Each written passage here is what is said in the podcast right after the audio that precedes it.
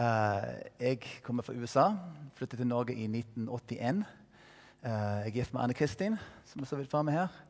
Eh, vi har vært gift i 27 år. Vi har fire barn.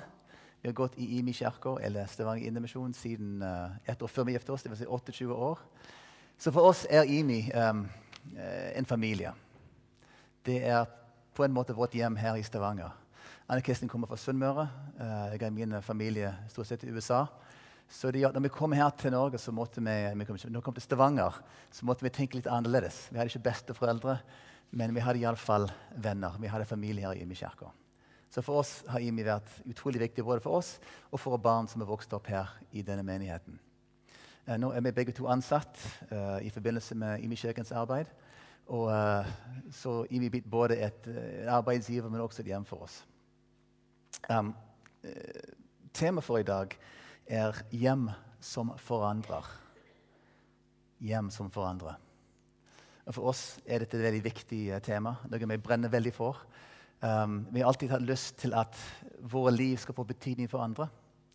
Vi har alltid lyst til at vårt hjem skal være et sted der andre kan møte Guds godhet i nabolaget. Som kan gjøre en forskjell for de som bor rundt oss.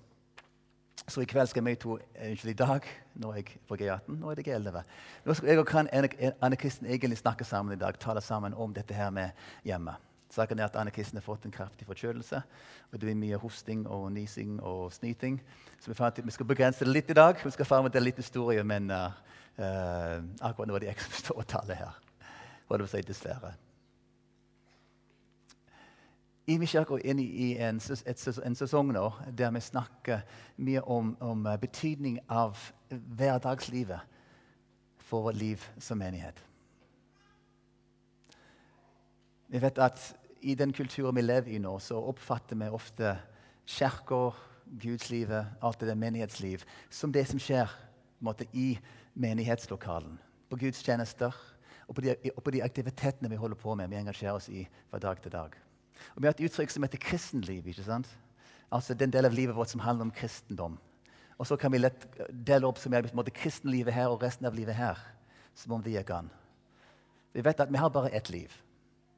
Og fakt er at Hvis vi vil følge Jesus, hvis vi vil være hans etterfølger, som han ber oss gjøre i Bibelen, så gjelder det hver dag i uka. Sju dager i uka, 24 timer i dagen i døgnet. 24-7, som vi sier over there. Det er livet vårt. Så hvorfor har vi så lett å tenke at ok, dette er det kristne livet, det er resten av livet? Saken er at det livet vi lever ut forbi kirkens vegger, det livet vi lever, det livet vi lever gjennom hele uka, er minst like viktig som det livet vi lever sammen når vi er her i huset som familie. Så Derfor ønsker vi disse dagene disse ukene, å fokusere på eh, hvordan vi kan leve vårt liv som menighet der ute. Hvordan kan vi tenke mer relasjon enn aktivitet? Hvordan kan vi se på hjemmene våre som en et, et arena der vi kan både være sammen som menighetsfamilie, men også møte de som ikke kom i kirka her? Så i dag er temaet altså 'hjem som for andre'. Jeg og Anne Kristin hadde eh, et opphold i USA. Um, jeg var der fra januar til juli. Jeg fikk studiepermisjon. Utrolig kjekt. Jeg fikk eh, være der borte i Colorado der jeg vokste opp. Uh, møtte mange flotte pastorer og menigheter. Drakk mye kaffe, gikk mye på restaurantbesøk og spiste lunsj. og Fikk mange nye ideer og nye impulser. og liksom virkelig følte at dette var bra. Um, når jeg kom hjem uh, i august, det første jeg gjorde, var å reise av gårde til Thailand og Kambodsja. Det vi et arbeid. Jeg, er med sammen og, og uh, utruste ledere for menigheter der. Og Så kom jeg tilbake igjen i slutten av august. Og Jeg husker veldig godt en formiddag. Det var en, en på onsdag morgen. Jeg kom og satte meg ned på kontoret på pulten der. Det var sånn vegger og bord og telefon og datamaskin. Og jeg kjente nesten et brøl som begynte å komme opp inni meg. Jeg vil ikke være her. Jeg vil ikke bruke mitt liv foran en datamaskin på kontor, kontorpult. Det er ikke det jeg er kalt til. Hvorfor sitter jeg her? Det er så mye folk der ute. Så at jeg hadde sett i løpet av dette halve året her, at det jeg, jeg trives best med, det er å snakke med mennesker. Når det er pastor i en menighet, så handler det egentlig om mennesker, om familien. Ikke å sitte bak der og lage planer og skjemaer. Og, det, det er klart, litt administrasjon må det være i en sånn jobb. Og vi har et veldig trivelig kontor her. Altså, Med flotte folk og morsomt og glad og god mat. Det, det er flott å være her. Ikke misforstå meg. Men likevel, jeg fikk en sånn aha-opplevelse. Vet du hva? Det er ikke dette her som er min kall. Det jeg har gjort denne høsten, her, jeg har prøvd å gjøre så mye som mulig um, hjemme i stua vår. Jeg har invitert folk hjem når vi har et møte, så tenker jeg heller dere istedenfor på kontoret. Når jeg har en mentorgruppe, så TV-s vi hjemme i stuen. Og, og, jeg har kjent hvor viktig de er å ha en plass der jeg kan sette meg ned på en god stol med en kaffekopp. Sant? Med ungene som går rundt her, og folk som ringer og kommer innom. og ungene så, altså, Det er liksom det som er livet.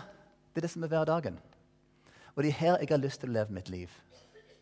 Klart på kontoret. Men når det gjelder mitt liv sammen med Jesus, så handler det ikke bare om aktiviteter og gudstjenester. Det handler om det livet jeg lever hver dag. Jeg har lyst til å snakke litt om dette nå i dag her videre. Um, vi har et bibelvers som uh, er valgt ut for i dag. Og her har vi uh, et begrep som er veldig viktig for oss. Det står i Romene 12, vers 13. Vær med og hjelp de hellige som lider nød, og legg vind på gjestfrihet. Legg vind på gjestfrihet. Hva betyr det? Tenk, bare si det en gang sammen med meg. Legg vind på gjestfrihet. Si det høyt. Legg vind på gjestfrihet. Altså, det er ikke bare eneste gang det står her. Paulus skriver dette ofte til uh, folk um, det, uh, altså, Nå var det menighet i Roma, også til mange ledere. Han sier gang på gang altså, Sats på gjestfrihet. Vær gjestfrie. Altså, Paulus er jo vokst opp i den jødiske tradisjonen. Der hjemmet var veldig viktig. Sånn. Jesus vokste opp i et hus, i et hjem. Han levde sitt liv ut fra hjemmene. Den første menigheten hadde sitt liv i husene. det vi har hørt før. Sånn. Og, og, Derfor tok han det videre. Ja, vet dere hva? Dere bør være gjestfrie. Det var ikke slik at Paulus først var opptatt av å bygge en organisasjon, en institusjon, ikke sant? en struktur. Han snakket med det også. Men han snakket veldig mye om det livet som levdes ut i hjemmene, i storfamiliene, i Romerriket, overalt der han gikk. Nå er det slik at Jesus da han sendte ut sine disipler, han sa ikke 'gå og bygg kirker' eller 'gå og plante menigheter'. Han sa 'gå og gjør disipler'. Det handler om relasjon. Det handler om å være sammen med andre mennesker og dele Guds liv med de, både med, med familien i troen og de som ikke er med ennå. Og Når Paulus snakker om å være gjestfrie, så er det klart at han tenker på de hjemmene der de levde ut sitt liv. Hvordan er det for oss i dag? Hva betydning har det for oss i dag, det livet som skjer i hjemmene, i husene? På hvilken måte har vår gjestfrihet noe å si i den store sammenhengen?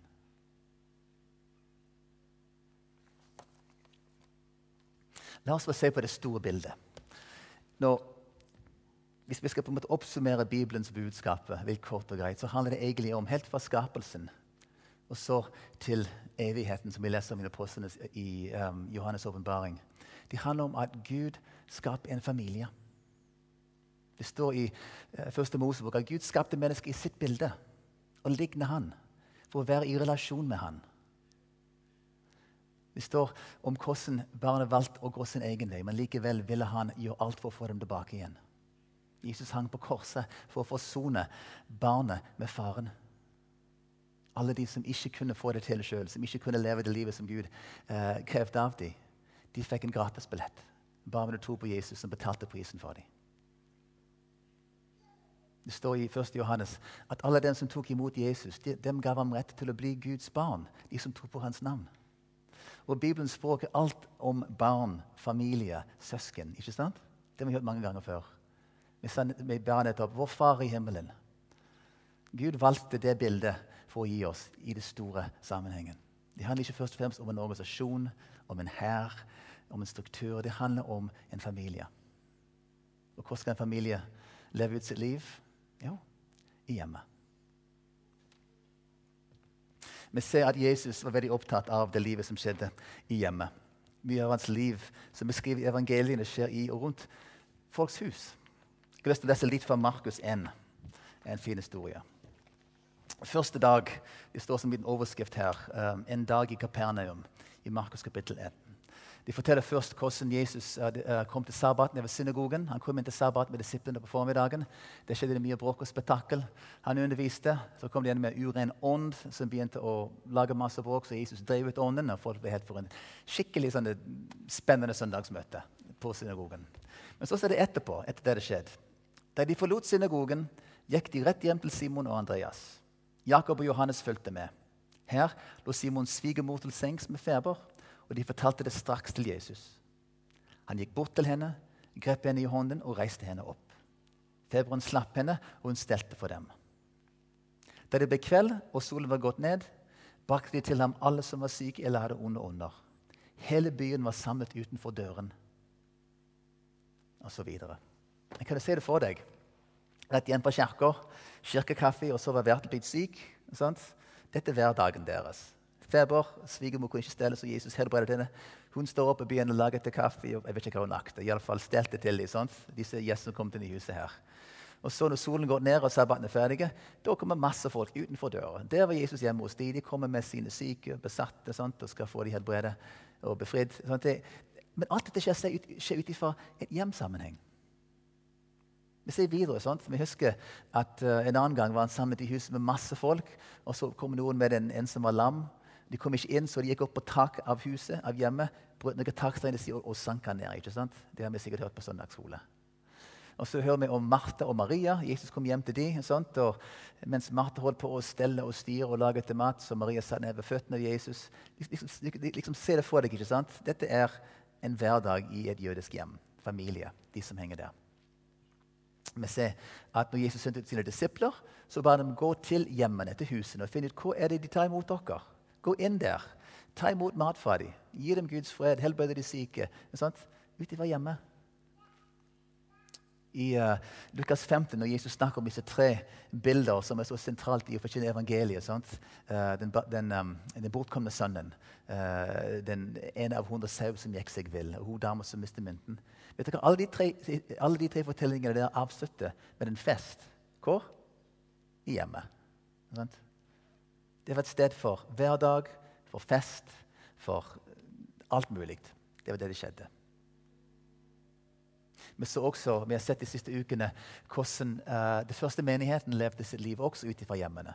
Det står i Apostlenes gjerninger 2, der de, de, skulle beskrive den første menigheten, at hver dag møttes de hjemme. De spiste sammen, de delte alt med hverandre, de uh, hadde nattverd sammen. Og så møttes de på tempelplassen også. Det var det som var livet deres. Hva med Norge i dag? Hva slags kultur lever vi i dag når det gjelder kirka og hjemmene? Altså Fram til midten av forrige århundre så hadde det utviklet seg en veldig stivt, uh, sterk kirkekultur som var styrt av prestene og de ansatte. Det var gikk i kirka på søndag morgen, og det var det de gjorde. Men så kom Hans Nilsen Hauge. Han fikk en oppvekker fra Gud. Han kom inn og begynte å forkynne noe annet. Uh, han ble ikke tatt imot, han var ikke ordinært, så han kunne ikke tale på pekestolen. Så hvor gikk han da? Han gikk til hjemmene, til husene. Og der skjedde det vekkelse, oppstandelse, over hele landet. Fordi de kom inn i hjemmet der folk levde sitt liv De begynte å snakke både om Jesus, men også hvordan de kunne være med og bygge dette samfunnet. De forandret hele den norske kulturen, både innenfor og utenfor kirka. Det skjedde ut fra hjemmene. Vet du hva? Det er vår arv. Det er det vi bærer med oss her i Imi kirke. Vi har våre røtter i indremisjonsbevegelse, som et bedehus i byen her. Som ikke var snakk om struktur, men det var snakk om relasjon. Mennesker som kom sammen for å dele livet. En plass som var åpen for alle å komme inn og kunne bli sett, bli inkludert. Hele det bedehusbevegelsen begynte i hjemmene, men så måtte de lage litt mer plass etter hvert, så de flyttet ut til bedehusene. Så vår arv ligger akkurat i dette her. Hvordan du bruker hjemmene som et sted for å møte Guds godhet og møte Guds familie. Men saken er at vi ser, både her i Imi og andre menigheter, vi har en tendens å komme tilbake til den gode, gamle tradisjonen der de sitter i kirkebenkene og pressen kommer fram. Nå, sitter, nå, står jeg her og snakker til dere. Dere sitter tålmodig i en halv time cirka, og hører på mine ord. Og Så går dere ut inn etterpå. Altså, Hva slags modell er det hvis du ser på Bibelen? Velkommen, Anne Kristin. Skal ikke være med? Kom igjen. Hun kommer snart inn. Jeg vet det, jeg må snakke fortere. det som skjer, er at vi ønsker som menighet ikke å være et sted der folk kommer og sitter på buss å være en plass der folk kommer for å, bli, å få inspirasjon eller bli underholdt eller bare ta imot. Vi ønsker ikke en, en konsum- eller, eller tilskuerkultur. Vi ønsker et sted der folk kan være med og delta og være med med hele livet, med hele seg. Derfor De siste årene har vi hatt større og større fokus på hvordan vi får liv ut fra huset til hjemmene til hverdagen. Du ser at Vi har mange cellegrupper, misjonale fellesskap, eh, mange måter å treffes eh, ut forbi. Og Det er det som vi ønsker å legge vekt på mer og mer i tiden som kommer. For jeg tror at hvis dere skal finne en plass i denne familien, her, så handler det om å være med å gå fra en tilskuerrolle til å være en deltaker. Fra å være en gjest til å være vert. Og hvor kan det skje? I hjemmene våre. I hverdagen vår. Jeg har lyst til å fortelle litt om vår historie som familie. Kanskje du kan overta noe, Anne Kristin? Du er ikke, flink, er ikke flink å snakke? Kjempebra. Vi er virkelig inspirert av deg, altså. Takk. Må klappe skikkelig. En gang til. Klapp skikkelig. Dere hører jeg har litt dårlig stemme. Det er derfor han snakker mest. Um, I forrige uke gikk jeg en tur ned i gata vår. Ei dame nederst i gata hadde nemlig dødd av kreft. Og jeg har bedt Gud hva skal jeg gjøre for dette mennesket og familien, eller for familien hennes som lever igjen. Akkurat som Gud ga meg en tanke om at eh, hva om du går og ringer på dørene til folk som bor i denne gata her, og spør om de vil være med å gi en gave til Kreftforeningen, noe som de hadde ønska å gjøre. Ønska å få. Jeg kjente det hamra ganske kraftig eh, i brystet, for å si det sånn. Men jeg tok mot til meg hvis jeg skal kalle det det, og begynte å ringe på dørene langs med gata vår. På en måte så um, var jeg litt flau. For mange av de dørene hadde jeg ikke ringt på i det hele tatt før. Jeg visste knapt hvem som bodde der. Og nå har jeg bodd der i ti år. Jeg vet ikke om noen kjenner seg igjen i dette. Og Samtidig så tenkte jeg ja, nå er det en god sjanse å bli kjent med noen. da. Så kan jeg iallfall gjøre dette. Så går jeg ned langs og ringer på ei dør og møter hyggelige unge damer. 'Ja, så kjekt, så flott at du gjør dette.'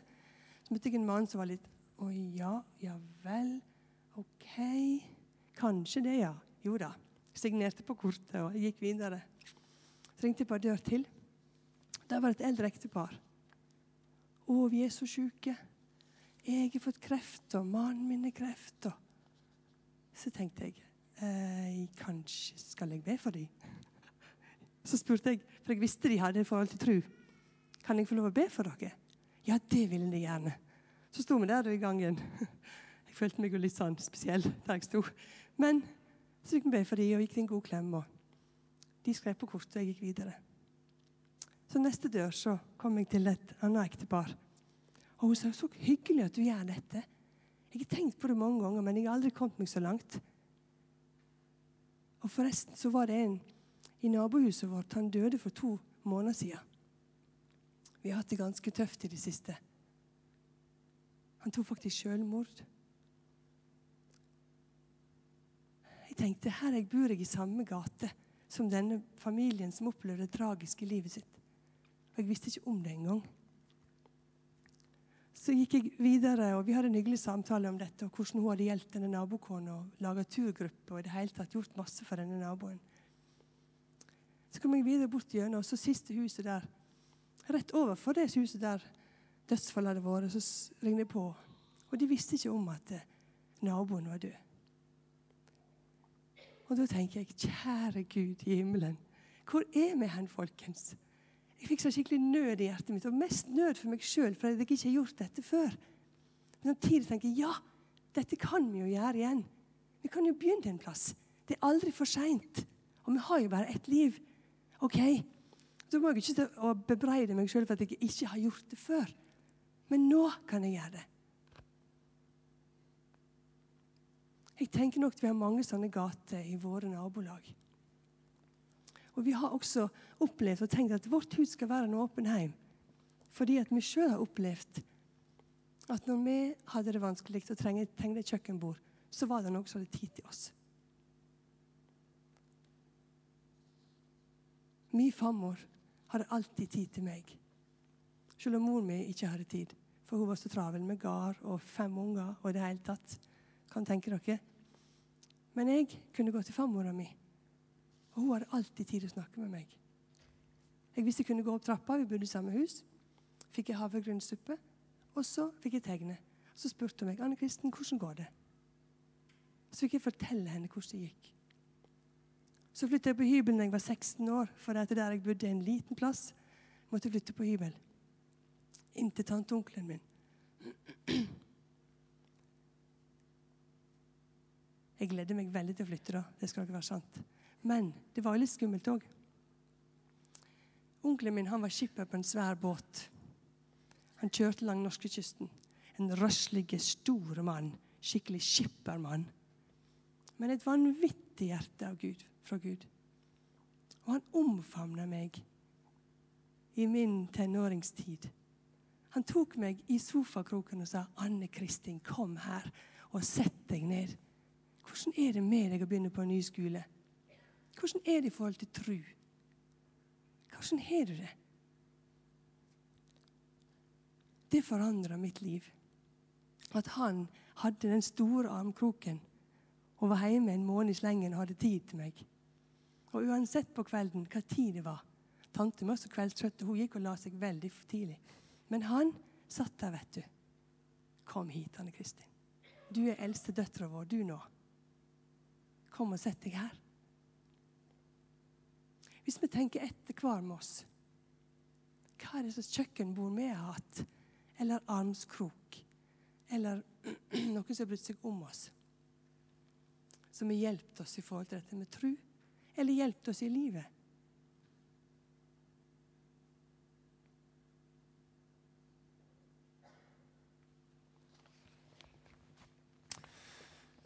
Da jeg kom til Norge, så uh, var det utfordrende å, å, være en amerikaner som ikke kunne språket og kulturen. Men grunnen til at jeg fant min plass her, grunnen til at jeg fant troen på Jesus, var at det var en familie som tok imot meg. En kompis først, en som jeg spilte sammen med i et band, og så hans familie. Så jeg fikk komme og sitte, sitte meg ned i sofaen og prate med dem. De inviterte meg på kveldsmat, på middag, eh, som en del av storfamilien.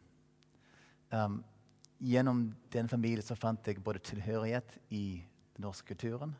Jeg lærte om språket, lærte om Jesus, om, om alt det som var der.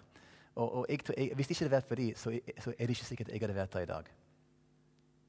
Jeg er så takknemlig for at noen slapp meg inn i deres stue, inn i deres hverdag. Og helt siden vi har vært sammen, så vi ønsket å gjøre det samme med andre.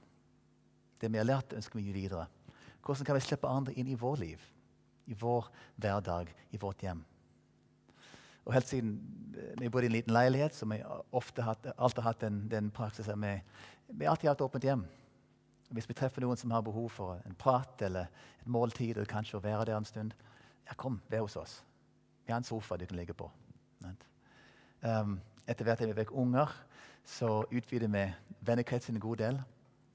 Vi hadde veldig mye besøk av ungene og deres venner. Uh, vi ønsket å bekjempe deres venners familie. Så vi har sett opp gjennom årene um, et åpent hus der folk kommer og går. Vi har uh, flere ganger hatt folk boende hos oss over lenge tid. En utviklingselev. Uh, en som trengte en plass for å kunne bare erfare hvordan er det er å, å, bo i en vanlig familie. En som har hatt det vanskelig med sine egne foreldre. Studenter. Andre som har kommet og vært med oss en stund. Og de er en del av vår familie. Og jeg vet at For noen så høres det helt uoverkommelig ut. Det hørtes utrolig utfordrende å ha folk inne i huset. For Vi tenker veldig i vår kultur at altså, mitt hus det er min borg. Det er mitt tryggsted, mitt fristed. Jeg kan trekke meg tilbake. Jeg går ut og gjør en innsats i, i verden, og så kommer jeg tilbake igjen, og her kan jeg slappe av. Skru på TV, snakke med familie, bruke tid på ungene mine. Så de er viktigst. ikke sant, til å ta vare på dem. Så For mange grunner så, så havner vi i denne her borgen. Det, det er kostet for oss. Spesielt for Anne-Kristin. Å kunne tenke alle de altså, Hvordan kan vi da slippe an inn i vår hverdag, inn i vår familie? Det er nå fordi at jeg så helst rydder og vasker ja. og lager mat. ok? Ja. Slik at uh, Det er jo derfor da vi damer er litt spesielt opptatt av dette. Ja. Det er ikke alltid like enkelt. Nei, det er ikke det. Nei? Det høres så lett ut når du sier 'bare inviter inn'. Ja. Det går Men, så fint. og Der ligger haugen og alle kaninene flyter, og du vet at hjelp og trøst. Men jeg har faktisk måttet tatt med noen tak på dette og sett ned noen grenser, eller flytte noen grenser nedover. sånn. Mm. Det er ikke uansvarlig å um, ikke helsesamt hjemme hos oss. Men jeg har lært noen triks da, som jeg kan gjøre. Uh, jeg vet ikke om jeg tør å si det en gang. Jo, fortell da. Av og til så bare vasker jeg yttergangen, for det lukter veldig godt grønnsåpe da, når folk kommer inn. Da tror folk at det er rent i hele huset. Yes. Og så har, jeg, har vi en sånn haug på kjøkkenet der det ofte ligger aviser og masse Dillendal som bare samler seg opp. Legger jeg en fin duk over, så det er ingen som ser det. Eller så um, passer vi på at det, vi, folk kommer inn litt seint på kvelden, så ikke de ser ellers alt som skjer i huset. Sant? Ja. stemmer. Og vi har våre roterom det vi stabler ting Ja, når gjestene det er kommer. Det Og så blir det sånn halvveis rent i stuet. Noen, Det noen rom er Ja. Men, men det, jeg tror det, det virker begge to sier at selv om vi koster en del, har vi fått så mye igjen for det. Altså, Vi har fått gode venner. Vi har fått si, utvidet familie, storfamilie. Um, folk som har kommet inn og vært med oss en stund, som vi virkelig kjenner dette, dette var en, god relasjon. Og det de som kommer, det er ikke bare å ta, de også gir. Sant? De kan komme hjem etter en stresset dag, og der er eh, en aktiv student som sitter der og sier du kan ikke være med og så, og så, og så hjelpe ungene med lekser. Må noe annet. Ja, flott, det kan de gjøre det. sant? De er med og, og å bidra i livet etter hvert når de kommer er en del av, av livet vårt. Men så må det være sagt at dette handler om at en faktisk må ta et initiativ og invitere inn. Mm. Um, jeg har gjerne sagt i det siste til hvis jeg treffer noen Kom gjerne innom på kaffe. Det er ikke sikkert jeg har tid å snakke med deg så mye, for jeg skal kanskje på noe. Eller kom og sett deg i sofaen hvis du har behov for det, hvis du bor har hjemmet ditt en annen plass og trenger å komme til noen. Eller det er de som kommer og sa kan jeg få lov å lage middag hos dere, så kan dere spise sammen med oss. tenkte jeg, oh, Det var litt skummelt. Skal hun komme på mitt kjøkken og lage middag? Eh, ja, akkurat. Hadde ikke akkurat vaska der så voldsomt. Det er ikke hvor løye vi tenker sånn. Jeg tenker fort sånn. Men det gikk veldig fint. Jeg la meg på sofaen og slappet av, og de lagde middag. Det går an. Eh, men det er mange sånne, der er mange sånne nivå som en faktisk må jobbe seg litt ned gjennom, har jeg merka. En stor fordel. Jeg sa vi har fire barn. Jeg vil påstå at alle de fire har kjent masse på det å ha andre mennesker i huset. De blir vant med å snakke med andre voksne, de sosiale. De skjønner at livet mitt handler ikke bare om meg sjøl, men også om å se og bry meg om andre. Eh, de er vokst opp, jeg, liker veldig godt den måten de er på mot andre mennesker. og tror de henger sammen med at vi ønsket å ha et åpent hjem helt fra de var små. Det er det som er, det som er naturlig for dem. Så på mange måter har vi kjent masse igjen på dette her. Være god mot andre det er klart da får vi mye godhet tilbake igjen. Utfordring. Nå går det mot slutten. Og det er klart at dette ikke bare er snakk om hygge og hvor kjekt det er. Men vi ønsker å utfordre vår menighet, vår familie her. Altså, Hvordan kan dere være med på dette her? Hvordan kan dere ta nye skritt for å åpne deres eh, hjem, deres hverdag for andre mennesker som, som, eh, som trenger litt godhet? Men er det slik at ikke alle i vår menighet som har et hus, sånn som vi har, som kan bare, bare, slippe folk inn i? Eh, mange som ikke har med en liten hybel, som de ikke kan slippe noen i. Hva kan de gjøre? Jeg fortalte Anne Kristin om ei nabo av oss der som bor på en hybel, som da spurte forrige uke om, om, om, om vi kunne komme ned og lage middag til oss. ikke sant? Nå tenker vi videre vi ønsker å, å begynne å satse litt mer regelmessig på å ha åpne hus hjemme hos oss, eller invitere folk inn til middag en gang i uka. At vi har familiemiddag, åpner opp for andre å komme. Og da ønsker vi å ha hun her, naboen vår, med på dette her. Sant? Kan vi gå sammen hvis vi ikke har vårt eget hus eller hjem? Kan vi finne noen andre og gå sammen med dem om å være vertskap for flere som ønsker å komme inn i en familie? Nå vet jeg at det er helt sikkert mange som gjør dette allerede. Og Gud velsigne dere, har jeg så nær sagt. Som vi sier på Sunnmøre. Gud velsigne dere i det dere gjør, og alt dere holder på med. Men jeg ser nok at også vi kan gå nye steg, alle sammen. Stadig la oss utfordre. Han Cæsar Kalinowski, som var her på Agenda Ut-konferansen sist helg, han bodde hjemme hos oss. Han utfordra meg og Stiv kraftig. Hele tida. Ja, men eh, skal ikke dere Dere må gjøre det regelmessig. Ja, men skal ikke dere begynne med det, eller skal ikke dere gjøre sånn, eller Jeg tenkte, ja, gjør ikke vi dette egentlig, da? Ja, nei. Så for han sa hele tida at eh, folk tenker nei, det går sikkert for, for de eller for oss. Kanskje dere tenker det går for de, men det går ikke for meg. Så sa han hvis en prøver, så går det faktisk på den måten du legger til rette for sjøl, så går det for alle. Mente han. Og så er det slik at Når vi snakker om hus og hjem, så er det en del som vil passe med en gang. Men vi kan heller erstatte ordet der. Vi kan snakke om en hverdag. Altså, Hvor lever du ditt liv? Hvor bruker du tida? For en del studenter kanskje det er, det er på universitetet. På en kafé. Altså, Hvor er det de, de vil henge? Kanskje de kan slippe folk inn i hverdagen sin, ikke bare i huset sitt eller hjemmet sitt. Altså, Hvis det livet vi lever som Jesu Kristi etterfølger, gjelder sju dager i uka, 24 timer i døgnet. Så blir mange anledninger. Og spørsmålet er hvor kan vi trekke folk inn i det vi allerede gjør? Vi ønsker ikke å starte nye aktiviteter. Vi har ikke plass i våre liv til flere aktiviteter eller grupper eller tiltak. eller ting og tang. Nei, jeg er drittlei av å starte på nye ting. Det jeg vil gjøre nå, er å slippe folk inn i det som allerede er. Inn i hverdagen vår. Vi spiser middag eller kveldsmat sammen i alle fall fem, seks, sju ganger i uka. Og det er en mulighet å invitere flere inn i det, uten at vi må sette av mer tid til det. Altså, Hvor i din hverdag er det plass til å invitere flere inn, inkludere flere? Nå tenker jeg både på det som er vår familie her i menigheten, og komme sammen med dem, men også alltid har ledige stoler og plass til å invitere inn flere som ikke hører til i familien. Som kanskje ikke kjenner Jesus, som kan kanskje få et møte med hans godhet nettopp rundt kjøkkenbordet eller kaffebordet. Det er mer nok av unnskyldninger, utfordringer her. Det vet jeg. Det som Anne Kristen sa nettopp, altså, I forhold til mange så er dette prestasjonen. Sånn. Kan folk komme inn i mitt hjem? Er de ryddig nok? Er de rent nok? Kan jeg servere barn nok mat? Sånn. Det går an å senke terskelen. Det går an å bare tenke litt enklere. Altså, Martin sa det slik, for Martin og Rene hadde samme utfordring. Sant? De tenkte kan vi slippe ikke inn i huset, må vi rydde. Sant? Men så sa Martin vet du hva?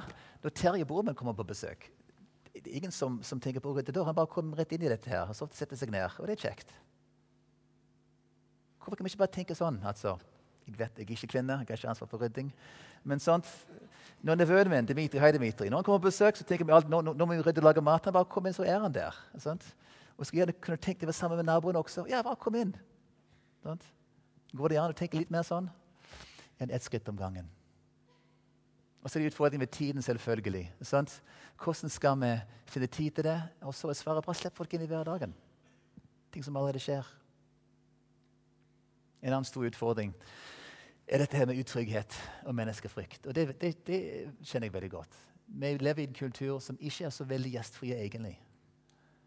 Av og til må vi virkelig skjerpe oss og kanskje gå sammen og tenke hvordan kan jeg få dette til? For det utfordrer oss kraftig. Men jeg tenker dette her med gjestfrihet er en nøkkel for alt det vi holder på med her nå. Å våge å slippe folk inn i vårt liv og vise godhet og gjestfrihet, selv om det koster litt. Legger vind på å være gjestfri. Ja. Amen. Amen. Lovsangsteam, kom fram her. Um, vi kommer til å bruke litt mer tid her klokka halv ett ved et kvarter for ungene må hentes. Um, jeg har lyst til å bare være litt her, uh, kanskje ta en, en, en, ro, en, lang intro. Kan vi gjøre det sånn først? En sånn rolig intro på sangen din. Litt musikk her. Så bare vær litt til stede og bare spør Gud. Gud, har dette noe betydning for meg? Prøver du å si noe til meg nå? Altså, Er det noe som ekstra konsekvens av i dette her? Hva muligheter finnes det? Dette er en invitasjon, folkens. Det er ikke et krav. Det er ikke 'nå må dere'. Men en invitasjon til å kunne være med på et liv som er så spennende og så rikt. Så mye, så mye. Som sagt, Mange av dere allerede lever i dette her. Men det er kanskje nye skritt vi kan ta. Nye måter å tenke på. Vær litt stillhet nå og bare be Gud vise meg hva kan jeg gjøre, og gjerne gi meg styrke til å gjøre det du kaller meg til.